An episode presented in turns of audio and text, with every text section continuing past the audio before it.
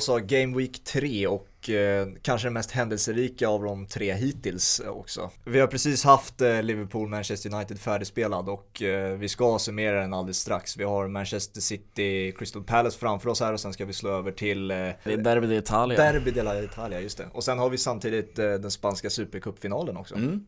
Så vi har liksom tre matcher, får vi se om det blir tre skärmar samtidigt när vi exakt. spelar in den här eh, händelserika söndagen. Men eh, det, alltså, Hoppar rätt in i ett triple captain-gnugg. vad gör det? Eh, Jag har ju dragit av det förbannade chippet där det enda man vet med det är att det kommer ju gå åt helvete och nu sitter det på Kevin De Bruyne den här omgången eh, Dubbelomgång som de flesta vet eh, så att Nej, jag, eh, mina blickar är framförallt mot eh, City Crystal Palace nu när Liverpool Manchester United är avklarad och spelad. På flarran där i fredags kände jag att eh, det, det är fan dags för Kevin nu. Det har skapats mycket chanser och senast eh, Tycker att han ska ta straffen men eh, ger väl över den till Sterling som totalt sjabblar bort det där så att eh, jag är ganska säker på att eh, Kevin De Bruyne kommer ta straffen om det blir någon sån.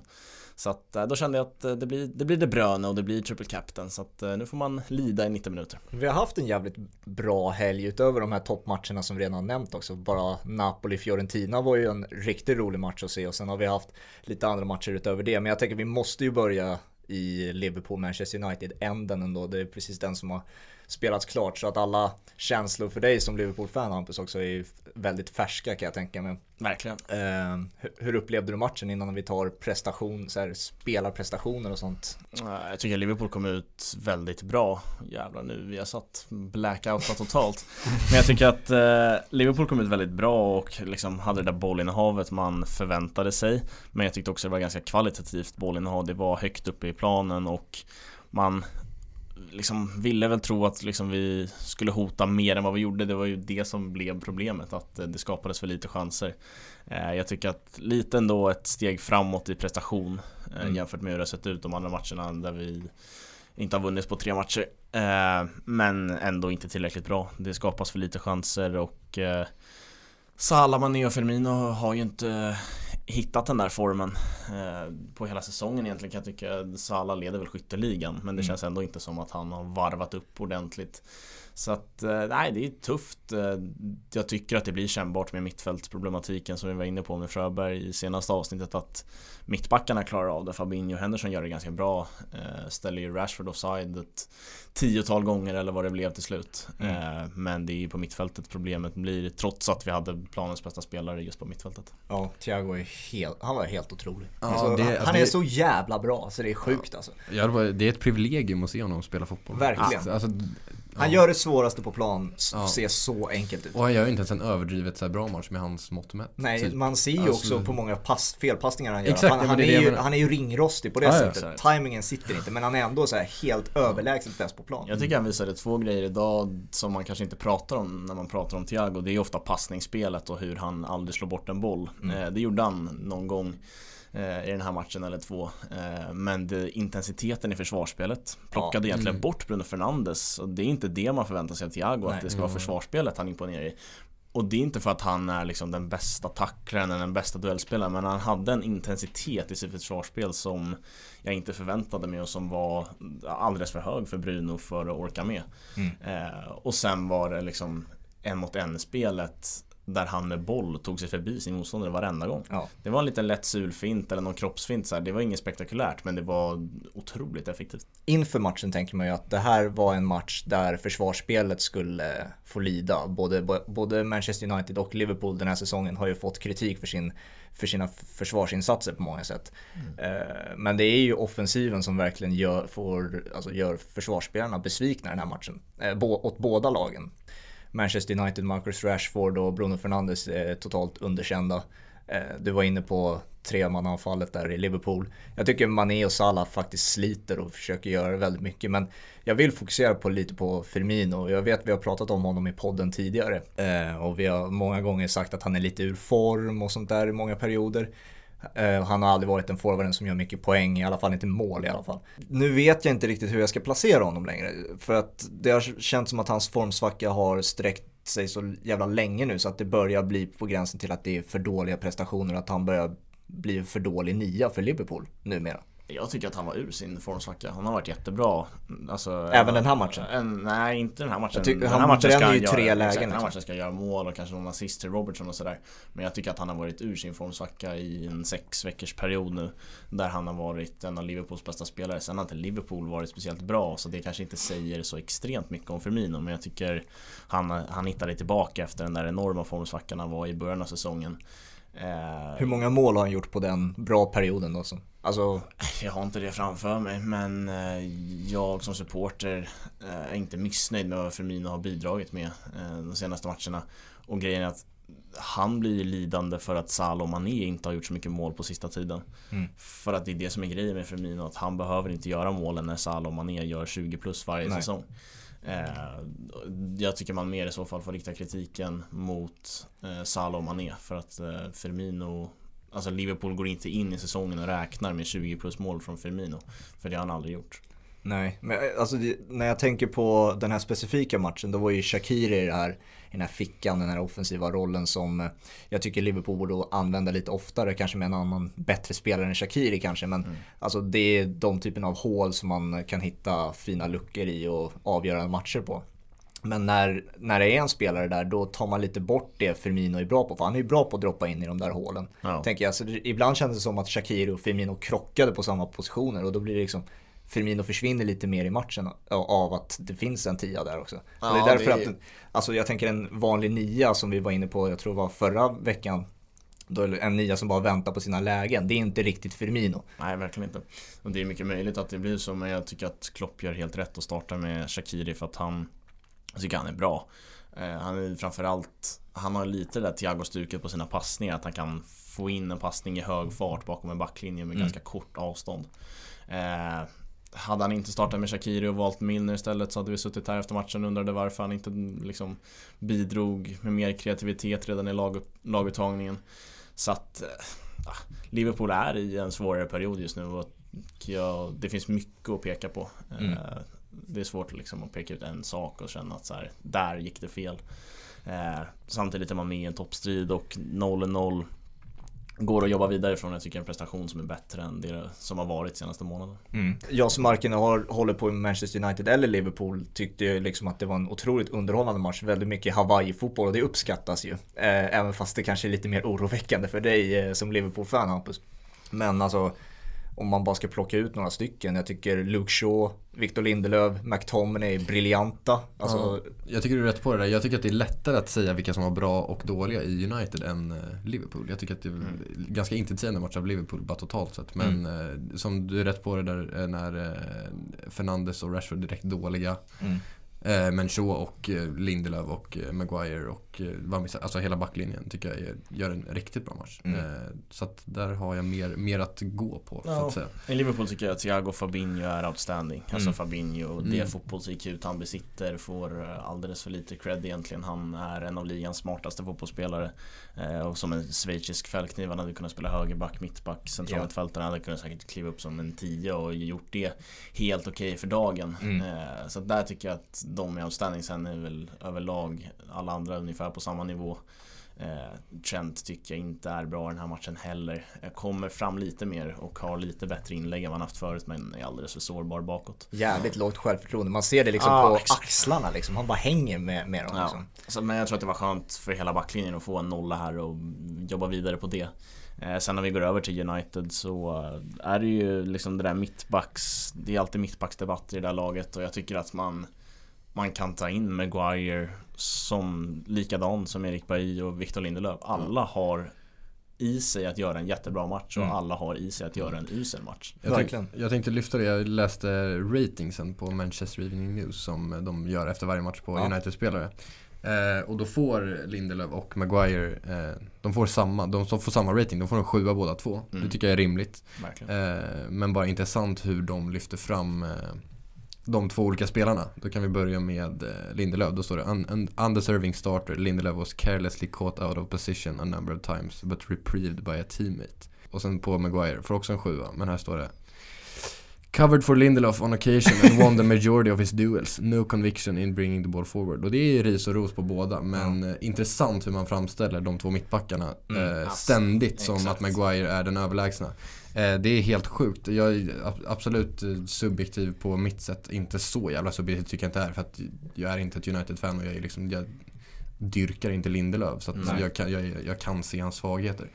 Men eh, som du säger, alltså han har inte något, Maguire har inte något som någon av de andra två mittbackarna Nej, inte alltså, har. Maguire har ju en högre prislapp vilket gör Ja. att han blir omöjlig för Ole Gunnar Solskjaer eller vem som än tränar det där laget att egentligen peta. Ja. Mm. Eh, men han är lika bra som Erik Bailly eller Ja. Victor Lindelöf tycker jag. Väldigt, väldigt risky att eh, välja det bytet då. Alltså Erik Bajy som har varit briljant i två, tre matcher i rad nu och så välja Lindelöf. Alltså vi som svenskar, vi tycker det är kanon men alltså det var jävligt risky inför. För att jag tänkte att eh, om det här blir 3-0 till Liverpool nu så då är det ju bara ett byte så att säga som man ja, tittar på. definitivt. Men jag tycker alltså hela Bailly-grejen tycker jag är extremt överdriven. Alltså Ja, han, jag jag tycker han är en begränsad mittback. Han, han spelar med sån otroligt hög risk hela tiden och det Mm. är liksom tacklingar där. Alltså han, han har ju ett rött kort i sig varenda match. Ja, Eh, så att jag, jag hade ju för, alltså, det, jag förstår liksom att det blev märkligt för många United-fans att Lindelöf startar för Bay hade gjort det bra senaste veckorna. Men jag tycker nästan det är hugget som stucket vem som startar. Mm. Och så har vi den mest svår, eh, jag kan inte placera, jag vet inte om han gjorde en bra match eller inte. Pogba. Ole Gunnar Solskjaer var väldigt nöjd med honom. Ja, jag hörde intervjun också att han, var, han sa att han var superbra typ. Ja. Och det, liksom att om han hade gjort mål där på den chansen som han fick då hade det liksom varit pricken över i liksom på Ja. en 10 av 10 insats i Ja. princip. Jag vet inte riktigt om jag håller med där men jag tycker inte heller den, den, den är dålig. Han är ju liksom, han påverkar ju en matchbild lite på ett annorlunda sätt i jämförelse med en, en Thiago som gör det bara fotbollsmässigt. Men jag vet inte, det kändes väldigt mycket Pogba-aura runt den här matchen. Även fast han inte gör så många briljanta grejer. Jag, inte, jag såg inte, alltså jag håller med dig om att det är svårt att nästan veta om han har varit bra eller inte. Jag såg honom inte så mycket. Jag fattar att Ole Gunnar Solskjaer ser mycket mer av honom för att han tittar egentligen bara på sina spelare. Mm. Eh, jag tycker att han har både bra aktioner och mindre bra aktioner. Det är någon gång han inte hinner ut på Robertson och Firmino får ett superläge på grund av det. Och sen ska han ju såklart göra mål eh, på sitt läge Ja. han får. Mm. Så att, eh, jag vet inte, svår, svårbedömd. Han är inte dålig. Nej. Eh, och jag tycker att han ändå visar den glöden jag var inne på i senaste avsnittet. Att han, han är i United nu för att spela fotboll äntligen. Mm. Eh, och då, då gör han det ju bra per automatik. Och helt plötsligt har man glömt bort vad Mino Raiola sa.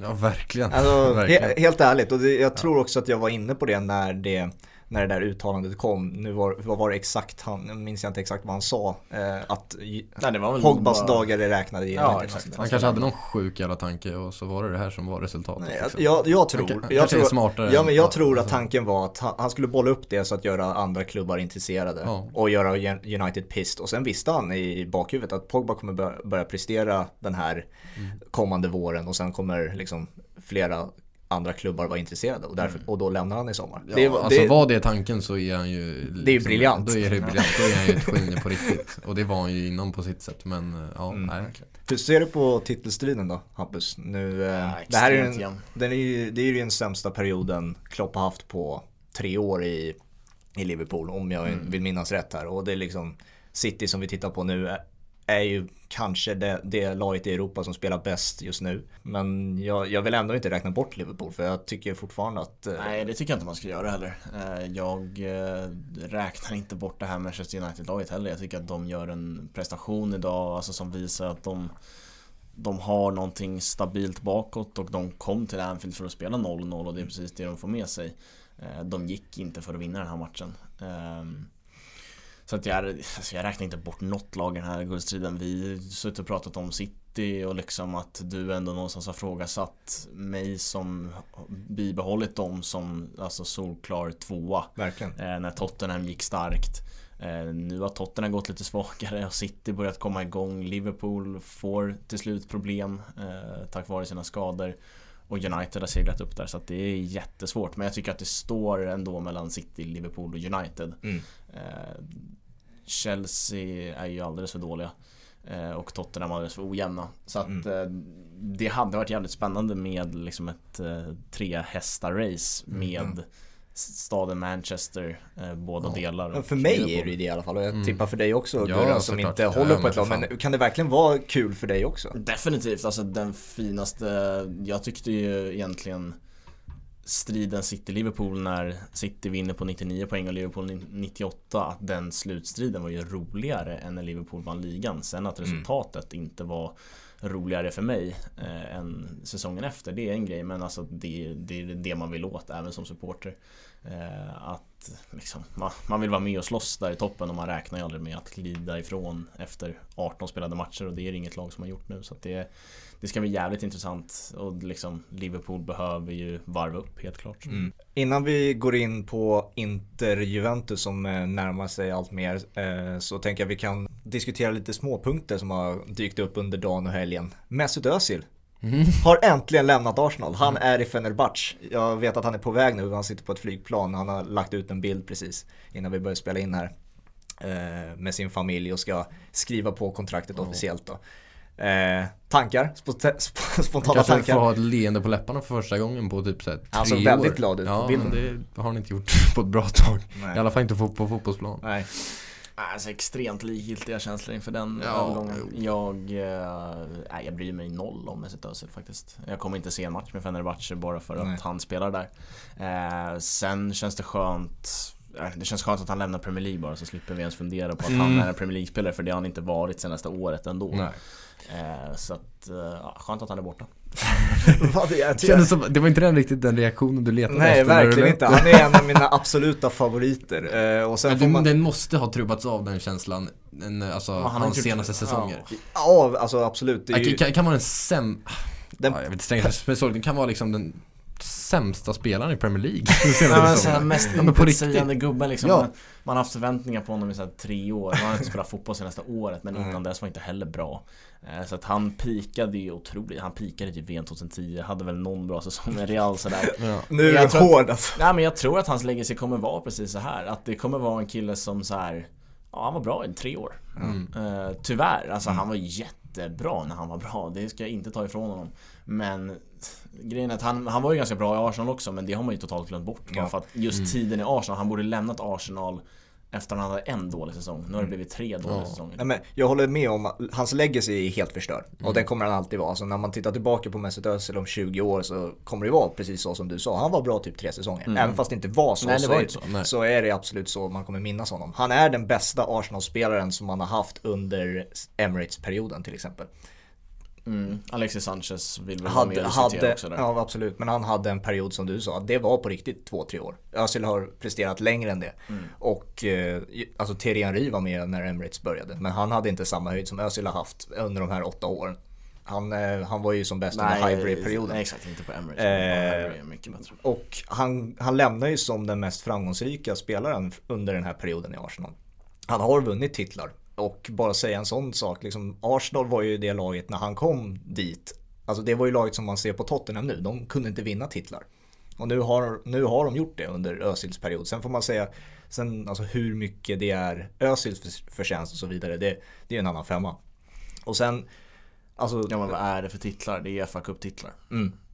Idel sådana. Någon Ja, men, Community alltså, Shield kanske. Absolut, och, men de skulle aldrig ha vunnit, kanske någon enstaka säsong så hade de chans på Premier League, kanske Leicester-säsongen där. Men annars så var det liksom, det är den nivån, det, det var det som var rimligt liksom.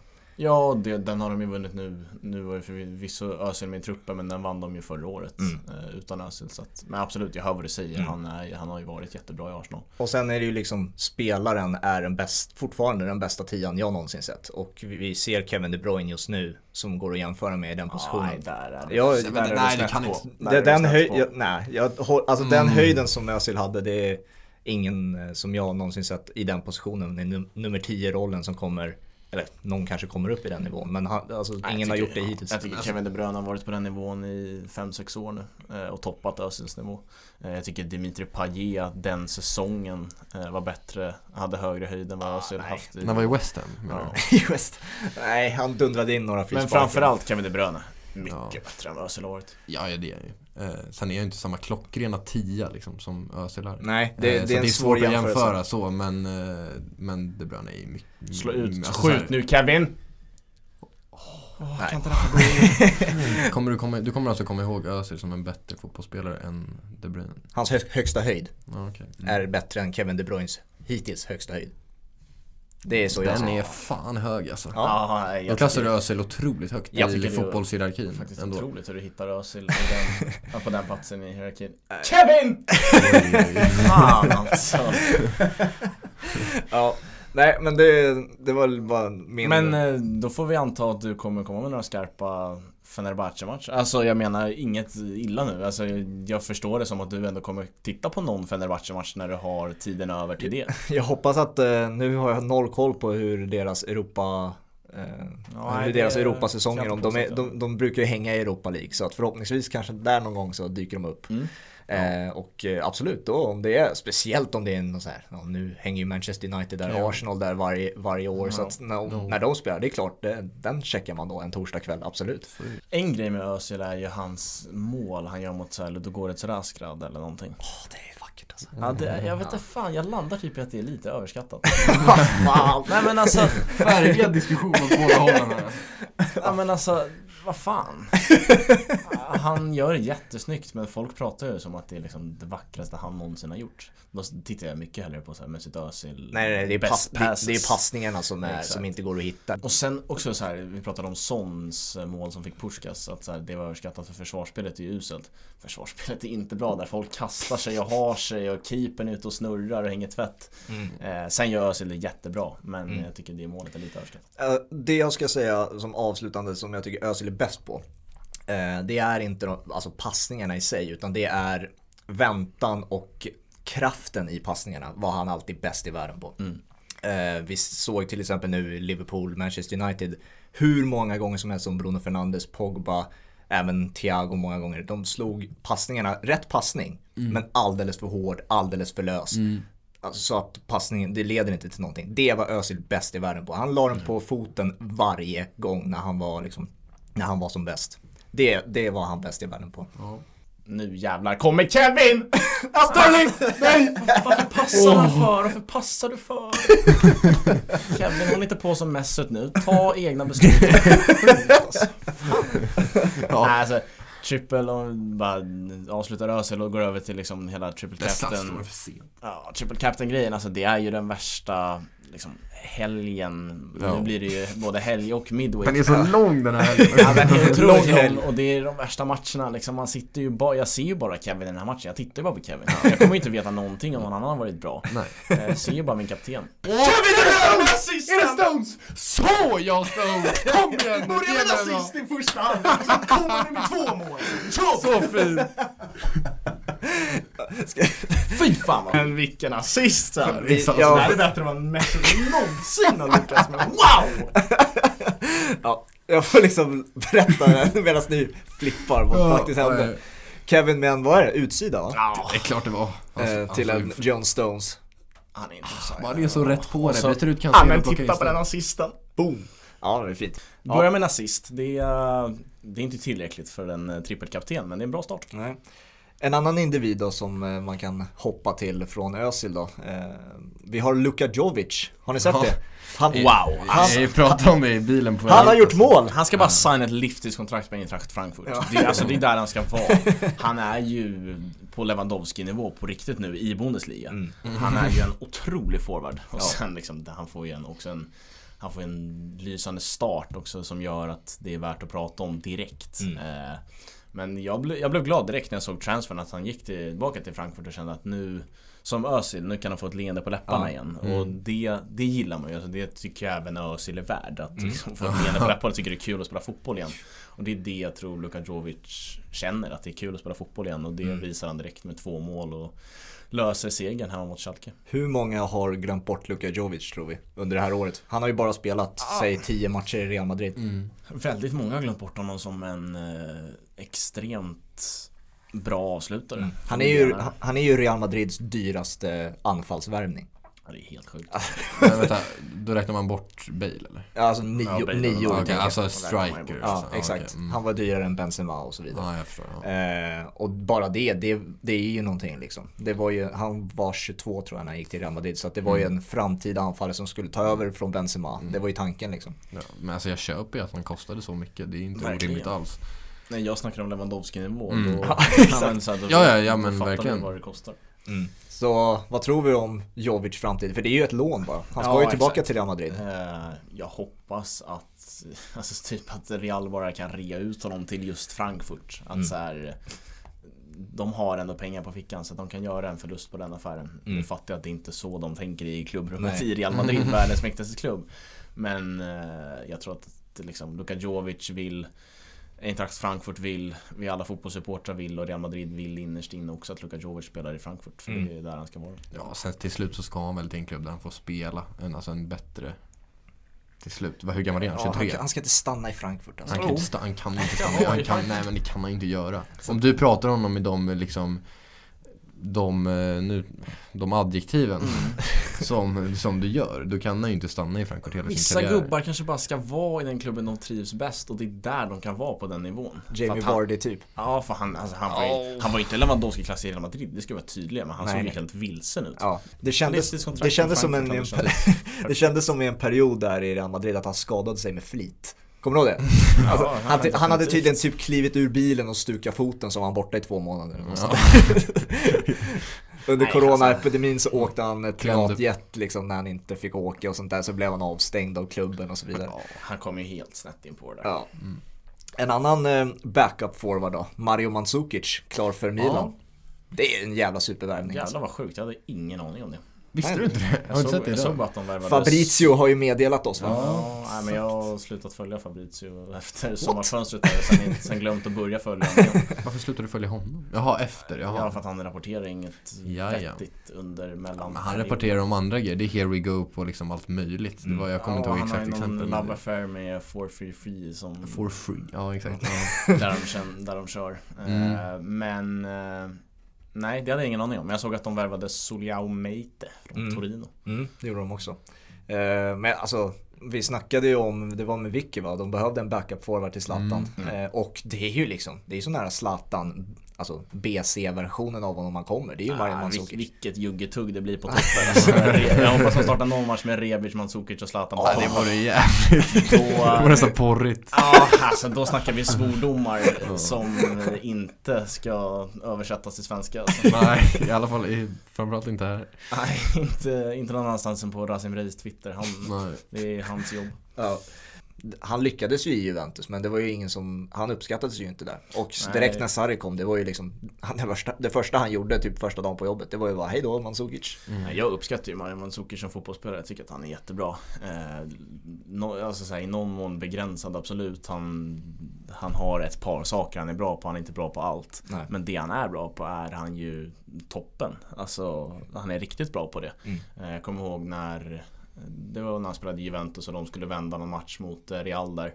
Och satte ut Mandzukic på en vänster ytterkant. Just Eh, det. som gjorde att han kunde nicka in två lätta mål mot eh, Carvajal. Just det. Eh, Så att han har ju ett otroligt huvudspel och ett, också ett målsinne som är eh, topp i Europa. Mm. Vilka sta- startar Kulo eller? Nej, han, Nej, det, men- hur- hur sjukt är det att Kulusevski inte startar? Ja, Jag tycker det är jätte- jag tycker det är helt ganska otroligt. Sjukt. Jag tycker det är katastrof nästan att eh, Dejan inte får spela. För att det, de tre matcherna som har spelats nu det är ju Milan och där gjorde han ju sin assist. Sen så blev han inbytt mot Sassuolo. Eh, matchen efter var matchens lirare enligt mig. Gjorde däremot inga poäng. Jag tror det, det var lite det, det hjälpte inte direkt. Eh, och sen matchen efter det så gjorde han ju ett mål och en assist i eh, kuppen mot eh, Genoa. Han hade ju lekstuga i eh, Coppa Italia, ett plus ett. Så spelade väl eh, hela matchen där, 120 minuter. Japp. Eh, och sen efter den matchen så går Pirlo ut och säger att han måste vara jämn över hela matchen. Ja, vi måste göra mer och allt det För. Kesa är ju så jävla jämn eller? Nej men jag tror att alltså, det blir just det här, så här Betancourt. italienare. Betancourt spelar istället för Artur. Mm. Aha. En springare till då. Ja, Bentan, jag uppskattar ju Bentancur av någon anledning. Jag kan inte sätta fingret på det för att han är ju exakt likadan som Rabiot och typ samma klass som Rabiot och Ramsey. Mm. Men jag uppskattar honom ändå mer än de andra. Men vad var vi inne på? Kulusevski. Eh, Jag tror att det mycket handlar om att Chiesa är italienare. Eh, Pirlo, italienare, utvecklar spelare till landslaget och då blir det svårare. Då måste man göra mer på något sätt för Mm. att få starta. Eh, Men jag tycker att han gör det jättebra. Vi snackade förut om att förtjäna sin speltid. Jag tycker att han gör allt i sin makt för att förtjäna speltid. Han kommer säkert komma in i den här matchen. Alltså bytet oavsett vad det står i matchen så kommer ju Dejan in. Så att det, jag tycker bara att det är dags nu liksom att erkänna att han är Liksom, jag tycker han passar perfekt bredvid Ronaldo. Eh, de, det, av det, de korta stunderna jag har sett av det, det jag tycker han är briljant. Exakt, vi kanske ska sluta jämföra honom med Ja. och sen kolla mot Morata. Exakt. Eh, Då tycker jag att Kulusevski är bättre på, det kanske, jag tycker ändå Morata har ett liksom underskattat sinne för mål. Mm. Eh, Men det kan ju Kulusevski också utveckla för att jag tycker Kulusevski är en bättre fotbollsspelare på alla andra nivåer än Morata. Ja, alltså det här anfallet som vi ser nu, Morata och Ronaldo, det är ju, Morata är ju mer spetsen här och Ronaldo kommer och hämtar lite mer boll och får liksom ha en lite mer fri roll. När Dejan kommer in då blir det precis tvärtom. Ronaldo blir spets och Dejan blir den som hämtar boll och får lite fritt och springa runt och det är det som passar Dejan och jag tror även Ronaldo, han får fler lägen när han Nej, är som spets. Så att, eh, ja, nu stoppar de matchen efter en och en halv minuter. Ja, men det är klassisk eh, Serie A. Eh, framförallt nu verkar Bonucci ha problem med någon lins eller ögat eller någonting. Har ni, har ni märkt, har ni, jag, vet inte hur många, jag vet inte om ni har märkt det i Premier League den här helgen. De har avbrutit matchen, alltså jättemånga matcher, jag tror tre, fyra matcher den här helgen. Av att bollen har varit eh, för dåligt pumpad. Ja, Jag såg det De, idag. ja, de, det. har sett stoppat, det? de bara sett, de tar upp bollen med händerna och markerar Ja. domaren, det, det, det är ingen luft i bollen. Det är ju jävligt sjukt. ja. Han verkar ju ha något, det här höll ju på, jag tror att det är någon lins eller någonting, jag har fått någonting i ögat i alla fall. Det höll ju på att fälla Arnold Ramsdale som plockade, det måste ha varit in sin första nolla mot, eh, vilka fan var de mötte? Det var ju midweek-omgången. Newcastle. Exakt, Newcastle höll ju på att fälla honom som hade problem med linsen där och sen höll ju även eh, Jaden Boggles hemåt pass fälla honom i slutändan ändå. Men han fick sin första nolla men idag var det tillbaka till, eh, till den vanliga Ramsdale. Jag tycker att Tottenham vinner den matchen på grund av Ramsdale. Ja, så är det. Även eh, vår vän Dronsfield ville summera den så också. Det är inget cred till Mourinho här utan det var bara Ramsdales Nej fel. men jag, jag köper det för att eh, Tottenham var inte speciellt bra. Nej. Eh, jävla sjukt mål ändå av en Dombele. Ja, Jag tycker, det är, ja. jag tycker det är otroligt snyggt alltså. Ja, frågan är, om det är meningen så är det ju jättesnyggt. Ja, jag, jag det är tror snyggt det är oavsett, men du tror det alltså? Ja, jag tror fan det är meningen. Ja. Jag Jag, väljer- väljer, jag jag vet inte vad väljer- meningen skulle vara annars i och för sig. jag väljer att se att en Dombele är som, en sån spelare som ser det där som ingen annan ser liksom. Ja. Han är ju den typ av fotbollsspelare tänker jag. Ramsdale såg ju definitivt inte komma. Nej, nej, nej. ja, alltså, så här, jag vet inte, det blir typ svårt att lasta honom för det för att det är ju väldigt smart och väldigt bra.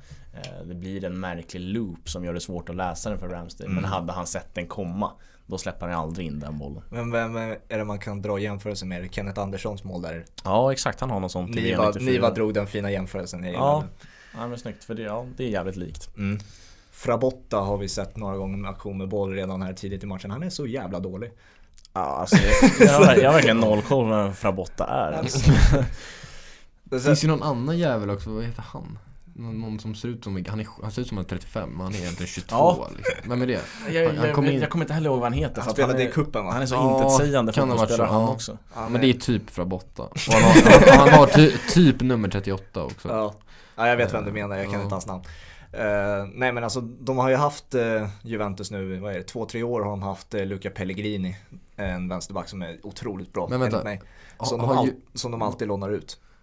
Är han, tillhör han han? Juventus? Han tillhör För han Juventus. var ju i Roma och sen så har han ju varit i Genoa nu. Eller De, Cag- jag, tror, jag tror de köpte, eh, Luca, Pel, Luca Pellegrini köptes av Juventus från Roma. Och sen så lånades han ut till, Till- Gen- Genoa eller om det Jag var är Bolo- Bologna. jag tror att det Han var ju i Cal- han var, han var i Cagliari med Ja. Nangolan. Exakt, när de gick jävligt Ja. starkt där med Robin Olsen som målvakt första Mm. 20 gångerna. Han lånar man ut och så spelar man Frabotta.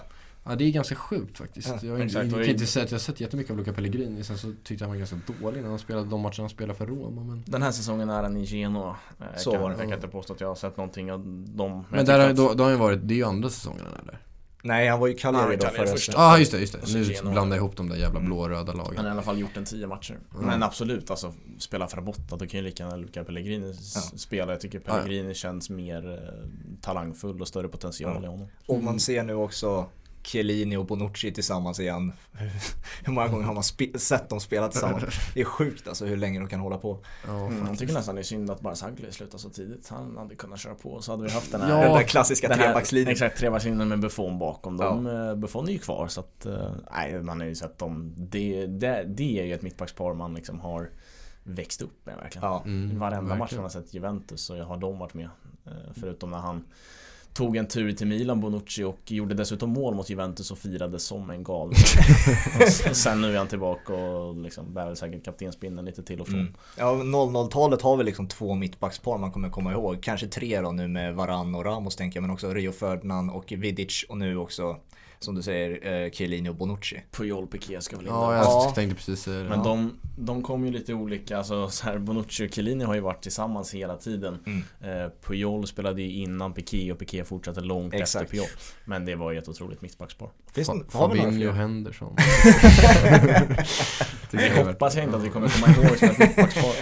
Då blir jag orolig för både vad skadorna har gjort med van Dijk och hur Liverpool värvar. Fick ju se honom eh, jonglera med en boll för första gången. Mm, eh, på trevligt. sociala medier. Mm, eh, van Dijk. Och Dejan Lovren gjorde honom sällskap också. Ja, vad är de i Abu Dhabi tror jag de hänger? Eller vad är de Ja det är väl där man hänger nu för tiden. När man är skadad För där är det ju lugnt med Corona eller någonting. Det, det är det ju såklart inte. Nej.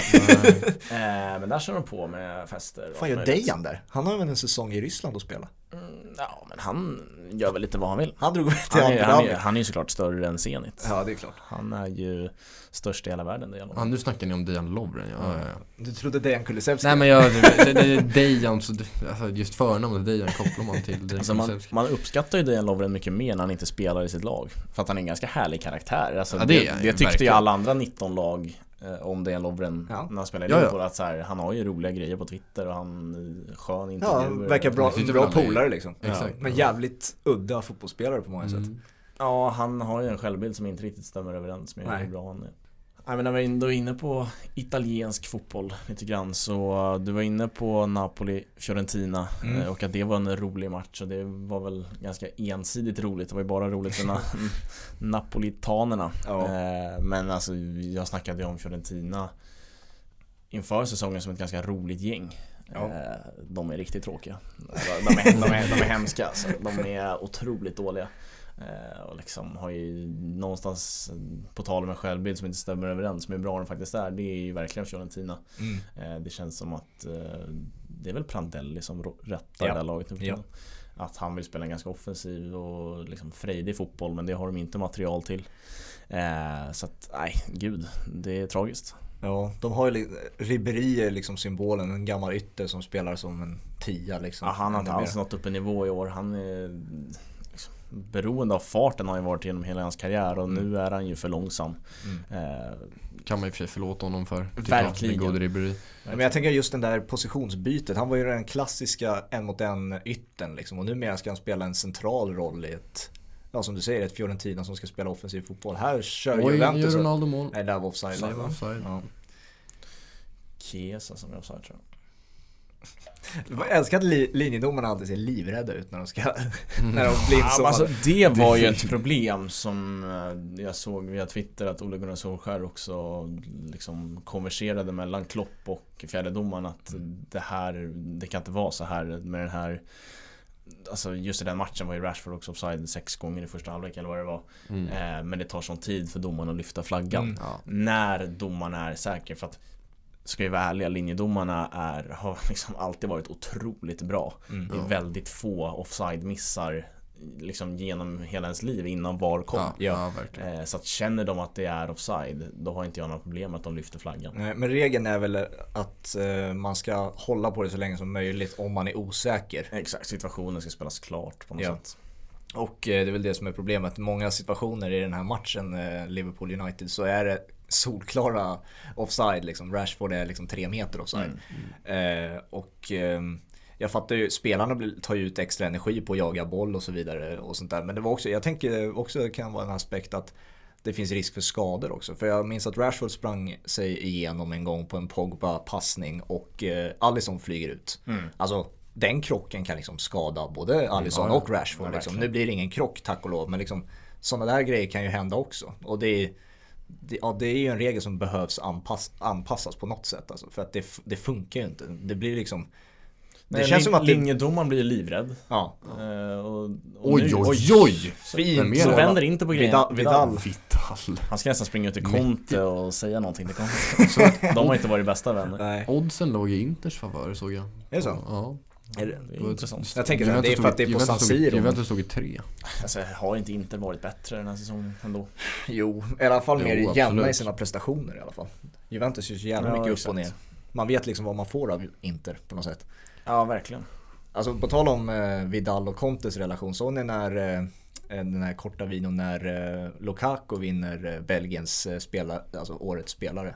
Fick han. Jag visste inte att han hade vunnit det. Jag såg att han var nominerad till The Best Belgian Player Abroad. Ja, han fick, han fick, jag tror han fick det priset. Han satt i någon studio och blev intervjuad då. Så kommer Conte in med priset och ska leverera den personligen. då. Och jävlar vilken härlig kram.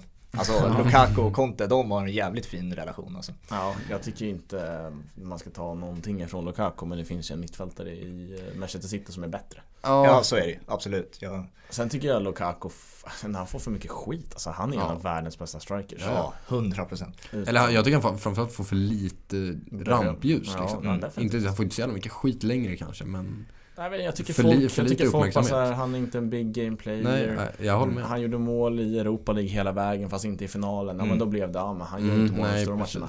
Nej. Men alltså vilka spelare gör det? Det är bara Ronaldo Messi som gör mål i alla finaler ja, exakt. spelar liksom. Eh, nej, men det, någonting, det enda kritik jag har på Lukaku det är att han, jag tror var inne på det förra veckan, han vill visa att han har den här bollkontrollen som han faktiskt inte behärskar. Nej, eh, inte fullt ut. Han är en grym målskytt, han är otroligt bra fysiskt. Alltså det borde han använda oftare. Alltså bara ta bollen och kubba. Ta liksom 20 meters touch liksom och mm. bara spring.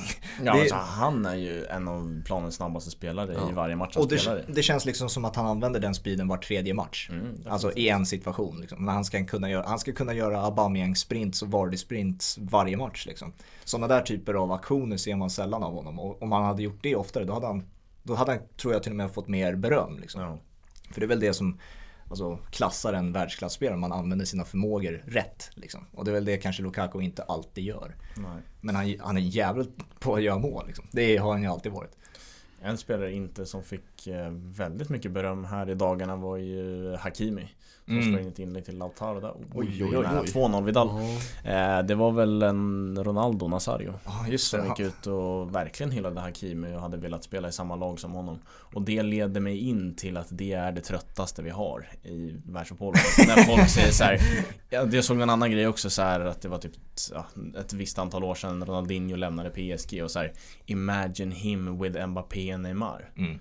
Ja, absolut. Men det var ju inte speciellt nära. Det pusslet kan man lägga ihop med allihopa. Ja, men exakt. Det är så jävla tröttsamt att bara imagine him with him and him. Ja, absolut. absolut. Eller så känner jag att så här, nej, den där killen la av innan de här grabbarna ens hade blivit någonting. Så att, nej, jag tänker inte ens föreställa mig dem i samma lag för att det är inte det, är liksom, det mm. gör ingenting med mig. Jag håller med. Så det är otroligt tröttsamt. Han sa också i den där, Ronaldo alltså i det där citatet då att det är Real Madrids eh, alltså, sämsta försäljning de har gjort ja. för de senaste åren. Och Inters bästa värvning de senaste åren också. Och jag är beredd att hålla med om båda liksom.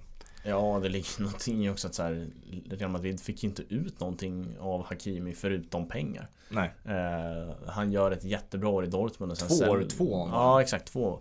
Eh, jättefina år och sen spelar han aldrig i Real Madrid efter första utlåningen till Dortmund. Mm. Så att de fick inte ut något liksom, spelarmässigt av honom förutom pengar. Det säger väl också lite om vad Real Madrid är för klubb. Att de är ganska nöjda med att ta pengar för sina talanger. Mm.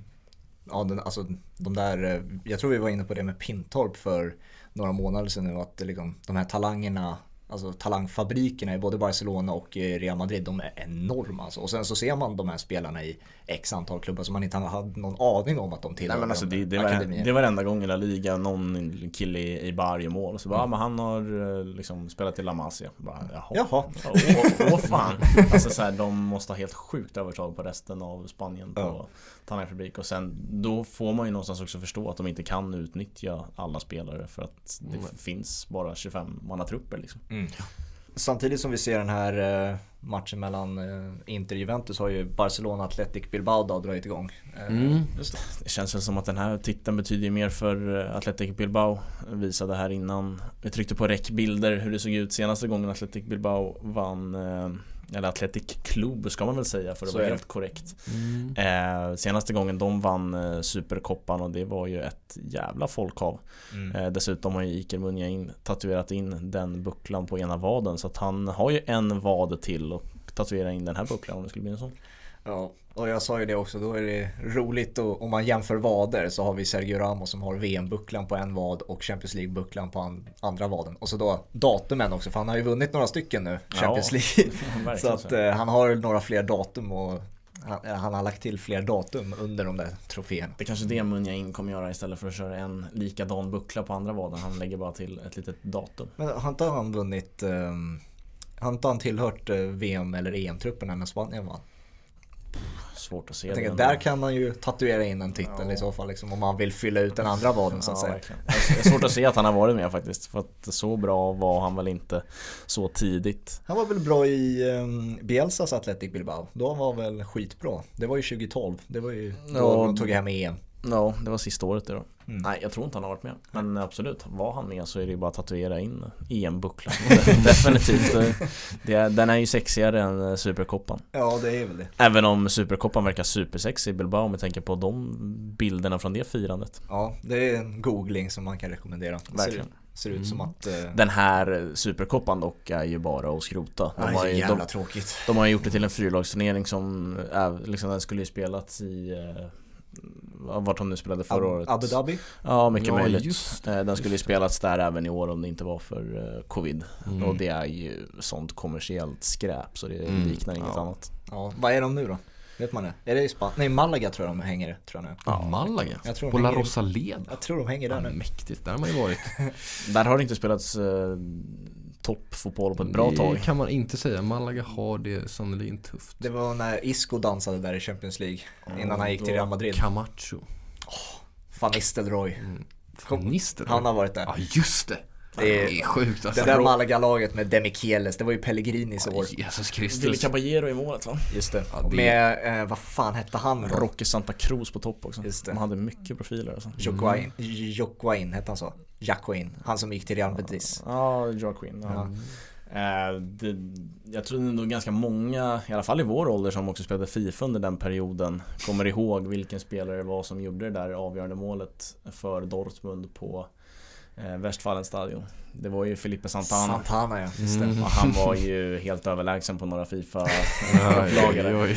Men det- Alltså den, den matchen, alltså, det finns ju så här summeringar eller highlights och se tillbaka på. Jag gör det ibland, tittar på gamla Champions League-matcher. Mm. Alltså den, vissa mål där som görs. Det finns ett mål som eh, Lewandowski gör i den matchen som är helt otrolig. Det är en klack av Marco Reus som är, alltså, det är så briljant alltså. Det var ju verkligen Klopps heavy metal Ja. liksom när den, var, när den var som absolut sjukast Ja, nej för fan.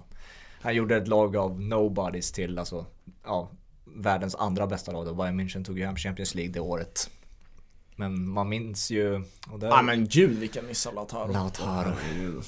Lautaro, Lautaro. Nej, men alltså anfallet var ju Lewandowski, Götze, Royce och Blaszczykowski. Mm. Och Shinji Kagawa dansade ju tidigt eh, under, eh, under Klopp det, det är också en sån där spelare Han Som- var en av världens bästa tior i Dortmund, gick till Mm. United, det blev ingenting Mkhitaryan 2.0 helt enkelt. Exakt, så därför ska Luka Då Jovic ha kvar kanske, i kan man ju i och Frankfurt för sig kanske kan dra slutsatsen att han inte var en av världens bästa tior. Om man går till Ja, United han, då. var, han var något extra Försvinner. där. Ja, men Han var ett extra. bibehåller det med Luka Jovic att vissa spelare ska inte, ska inte till en annan klubb. De ska bara få vara liksom, en av Europas bästa spelare i den klubben de är och i den ligan de är och sen Mm. också göra det bra i Champions League. Samtidigt så njuter du av att Telles var, är bra i Porto men sen så synar de honom i Premier League. Och då ser Ja, du på han det sättet. Han ska ju vara kvar i Porto. Okej, men då Därför- är han inte, därför men nu- menar du att han inte är tillräckligt bra för en annan liga? Eller menar du att han bara Att- funkar där liksom? Att man ibland måste vara smartare kanske och se sina begränsningar. Mm. Så jag menar inte att Luka Jovic är lika bra som Lewandowski. Nej, nej. Men, kanske- han, men hans agent och han trodde ju det när han var lika bra som Lewandowski i Bundesliga. Du ska ge det här tipset till de som verkligen lämnar klubb efter varje år, typ Zlatan. Mm, ja. Ja, Det går ju alltså- bra nu Ibra, Ja, kan du inte exakt. stanna nu? Exakt, ja. Nej men man måste hitta den klubben och hitta sin nivå där man också kan vara som absolut bäst och Shinji Kagawa var som absolut bäst i Dortmund Eh, Och då kanske man ibland får liksom stanna, stanna upp och känna att så, nej jag trivs jävligt bra här Mm. Istället för att ryckas Mm. med i hypen Mm. Jo, jo. Absolut. Men då kanske man inte kan säga att han är en av världens bästa tider. Ah, ja, skit i det. Lite mer tyskt. Eh, eh, jag såg att eh, en gammal favoritspelare till mig är tillbaka eller, eller han är sugen på att komma tillbaka till Köln. Eh, Lukas Podolski. Jaså? Såg någon intervju med han, någon eh, Inte spelare eller? Ja, Jag, jag, jag, Han alltså, alltså, han ju- spelar ju i, eller alltså han ju- tillhör ju liksom Antalya Sport tror jag att det är eh, nu. Och jag vet inte fan, det var, jag tror det var Kevin Bader som retweetade, eller la ut det där på Twitter att eh, Jag förstod det som att han var sugen på att spela Jaha. i Köln. Det ska, Ja, man, det ska man ju säga Eh, och det tycker jag känns jävligt trevligt, inte för att jag kommer kolla men på, på, alltså Fan vad jag älskade Podolski ett tag. Ja. Han var jävligt bra och jävligt rolig. Det ska man ju säga om Bundesliga att det är ju den ligan man i så fall ska göra det i. Mm. Eh, Claudio Pizarro spelar väl fortfarande antar jag. Han är 41 Ja, år. Ja, ja, exakt. ja. Han, gör ju en, han gjorde en del mål förra säsongen. Nu har Mm. jag inte sett så mycket av Bundesliga överhuvudtaget. Eh, men det, alltså, det, trots att det är en väldigt liksom, tempostark liga så känns det som att det ändå går att göra saker trots att man inte är på toppen av Ja. sin karriär. Det verkar funka. Och Han kanske Verkligen. blir en player manager eller något sånt där. Ja, nej, eller så är jag misstolkad, eller så han ska vara tränare men det känns också jävligt trött av honom att han ska gå tillbaka Ja. och vara tränare i Köln nu. Eh, på något sätt. Anledningen till att jag tänkte på det är ju för att en spelare har ju lämnat player manager rollen nu och blivit en manager. Som inte Mm. funkar längre. Den rollen har inte funkat sen Kenny Dalglish vann ligan med Liverpool som player manager. Liksom. Man, ska, man ska inte vara player manager, man får bestämma sig. Och det har han Mm. gjort Wayne Rooney. Vi måste ju ha en liten där kort hyllningsperiod till Wayne Rooney ändå. Alltså Ja. för att det är ju en spelare, man, där, där har vi en spelare som man, man har växt upp med. Han var liksom, han, han var Fifas posterboy, bara en sån grej Ja. liksom. Mm. Eh, och han I var, alla år, är den så. bästa, ja, ja. och är ju den bästa engelska spelaren jag har sett i min, under min livstid i alla fall. Jag, fick ju, Ja. jag, jag tippar att David Beckham hade nivåer som var kanske högre eh, vad jag har hört. Han kom ju liksom trea i Ballon d'Or listorna och sånt där eh, 99 eller när, när fan det var. Eh, fick jag aldrig se, se hans storhet riktigt men det jag har sett är ju Wayne Rooney den bästa engelsmannen jag. Alltså, det jag har Ja, just det där vem som är bäst finns det inget rätt svar på. Nej, Alltså jag håller ju Gerard, du håller Rooney bevisligen. Ja, och det. det. finns ju inget rätt svar liksom. Nej. Eh, Men Rooney är ju en otrolig spelare och en spelare som jag kanske borde hata mer än någon annan med tanke på att det är en Evertonian som har sin stora del av spelarkarriären i Manchester United. Men jag gör inte det med Wayne Rooney. Jag, eh, jag uppskattar Wayne Rooney för den fotbollsspelare han var. Han var Mm. Otrolig, pikade alldeles för tidigt men kom också upp väldigt tidigt. Eh, Jag såg, eh, det retweetades ju många moments eh, från Wayne Rooneys karriär och fan det absolut finaste han gör är ju när han har åttan i United.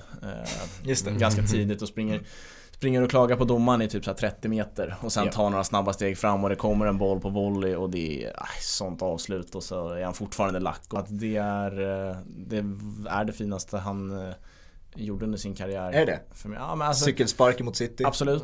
Eh, han har också så här, han har ju ett moment i MLS som liksom diskvalificeras bara för att det är MLS. Ja. När, han, när han jagar ner en kille i 30 Ja, just meter när de har plockat, Ja, plockat Det- keepern på hörnan. Så att han har egentligen öppet mål den snubben som blir nerjagad. Eh, Rooney tar tillbaks bollen och skickar in ett inlägg som är av absolut högsta klass och de får sin kvittering. Ja. Eh, men absolut, cykelsparken har någonting. Jag tyckte bara det momentet är det är mycket liksom, mycket England, mycket Rooney över det. Mm. Otroligt lack men sen den där totalt rena bollträffen på volley. Han är ju enligt mig den mest så här, begåvade fotbollsspelaren på det sättet också att han kunde spela på alla. Han, alltså, du var inne på Fabinho tidigare. Han kunde, Rooney kunde spela på alla positioner på plan och göra det bra. Och det, det gjorde han ju stora delar av Manchester United i karriären också. Han gick ju ner som defensiv mittfältare liksom för att balansera laget ibland liksom. Ja det kändes ju, ja för min del kändes det som att han behövde gå ner i planen ju äldre han blev. För att han tappade tempot. Han var Mm, ju, han, är var, han är ju en forward. Mm. Eh, Wayne Rooney. Men absolut, han alltså smart fotbollsspelare. Mm. Högt fotbolls-IQ på den killen. Ja, men han, han, hade ju skulle, han har ju Uniteds, han har gjort flest mål i både Manchester United och England. Mm. Eh, Men liksom, han, han, han kunde ha gjort så mycket fler mål. För att liksom, om man tittar tillbaka på när han var som bäst i Manchester United. Då var det ju under den här 2008-perioden när Ronaldo, Tevez, Berbatov, alla de där eh, var där. Och eh, för att få in alla de där anfallsspelarna så behövde ju Rooney ibland kliva in på mittfältet eller som kant. Mm. Alltså som kantspelare. Och liksom, där gör du inte så mycket mål. Men han, gjort, han lyckades ändå göra flest mål i Manchester Uniteds historia. Liksom. Ja, han var en otrolig avslutare. Jag tycker att det är skönt när han avslutat karriären att hans legacy blir det det ska vara. För att på slutet fick han ju massiv kritik. Han var ju inte bra sista 4-5 åren i Premier League. Eh, och tappade ju otroligt snabbt, otroligt mycket tempo i kroppen. Mm. Eh, men han är ju en av de bästa forwardsarna vi har sett i Premier League. Mm. Han, eh, han spelade ju så otroligt mycket fotboll i så ung, i så ung ålder. Exakt. Och det var ju liksom argumentet för, jag tror jag varit inne, i, inne på det i podden tidigare, att liksom argumentet till varför Rooney eh, gick ner så mycket i tempo och allting var för att han spelade liksom som 15-16-åring i Premier League. Liksom. Vilket ingen gör liksom. Också en tid nu liksom där liksom fysioterapeuter kanske inte hade kommit in på samma sätt som det finns idag. Nej. Idag tar ju spelarna hand om sina kroppar på ett helt annat sätt. Ja. Eh, och han kom väl precis i skarven där kanske. Ja, som gjorde att han pikade. Ansu Fati till exempel. Nu, när vi har Barcelona framför oss. Liksom det, han kommer ju vara en sån spelare som man inte kommer säga på samma sätt att ah, han kom in alldeles för tidigt. Liksom. Nu mm, kan Nej, man ta hand om sig på mycket bättre sätt man vet mycket mer om kroppen. Ja, och Rooney var kanske inte, han tog väl inte hand om sin kropp heller på bäst. Han var ju liksom en sån som, han behövde leva livet utanför fotbollen Ganska klassig engelsmän också. Ja, han är samma kroppstyp det... som Luke Shaw, han är ganska grov så. Ja. Så att han mm. hade ju säkert några somrar där, där han kom tillbaka och inte såg helt fit for fight ut. Mm. Eh, och det, det gör ju också någonting med kroppen. Ja. Att man liksom tvingas ha ganska tunga försäsonger. Jag tror det var Gary Neville som sa att inför var, eller inte för varje kanske, men för många så här eh, försäsonger som var i USA och sånt där som var svinvarmt och så, så kom Rooney tillbaka i sämst form av alla. Men alltså, det gjorde ingenting. Han behövde bara springa av sig de där två ja. veckorna i USA. Sen, så, sen hade han gått ner. 17 sexpacken som han hade hinkat på. han, han behövde bara springa av sig den där vikten. Liksom. Har man mm. lyssnat på uh, When We Were Kings med um, Bolton Wanderers avsnittet där Sam Allardyce uh, börjar sin tränargärning så uh, får man ju höra om Boltons Fat Camp. Mm -hmm. Jaha, jag har inte hört om det. Där de faktiskt hade liksom en camp över säsongen där spelare kom tillbaka och inte var i form och då fick de köra stenhårt i några veckor. Mm -hmm. Och klarade man inte liksom, ja, antagningstestet liksom, så var det tack och hej. Ja, Ja, Romderbyt, det är ju en stor match som har varit. Eh, det blev 3-0, eh, mer än så kan vi kanske inte säga. Nej, eh, man, man klev ju på flarran där i andra halvlek för att det var ju så tråkigt så att man, ja, man var ju tvungen att hitta ja. något, något, ro, något ja. roligt på en fredagkväll. Vi glömmer bort den, men det, vi kan ju bara lägga in att den, ja, vi vet att den har, att den har stundat. att den har stundat. Tyvärr för din del Ja, exakt. Nej, det var inte vackert. Men nya tag. Vi kanske ska runda av, hörni. Mm. Eh, 1-0 City än så länge och eh, 1-0 till Inter. Ja, jag tycker att Juventus inte alls kommer upp i nivå. Eh, Inter ligger närmare 2-0 än 1-1. Eh, definitivt och sen ska jag skifta fokus nu till andra halvlek mellan City och Palace där Triple Captain Kevin De Bruyne måste eh, mäkta mer, mer än en assist. Jobbar vi in Kevin. Mm. Definitivt. Jobbar in Kevin. Vi hörs eh, på fredag igen. allihopa. Så får ni ha det så bra så länge. Ciao. Ciao. Ciao.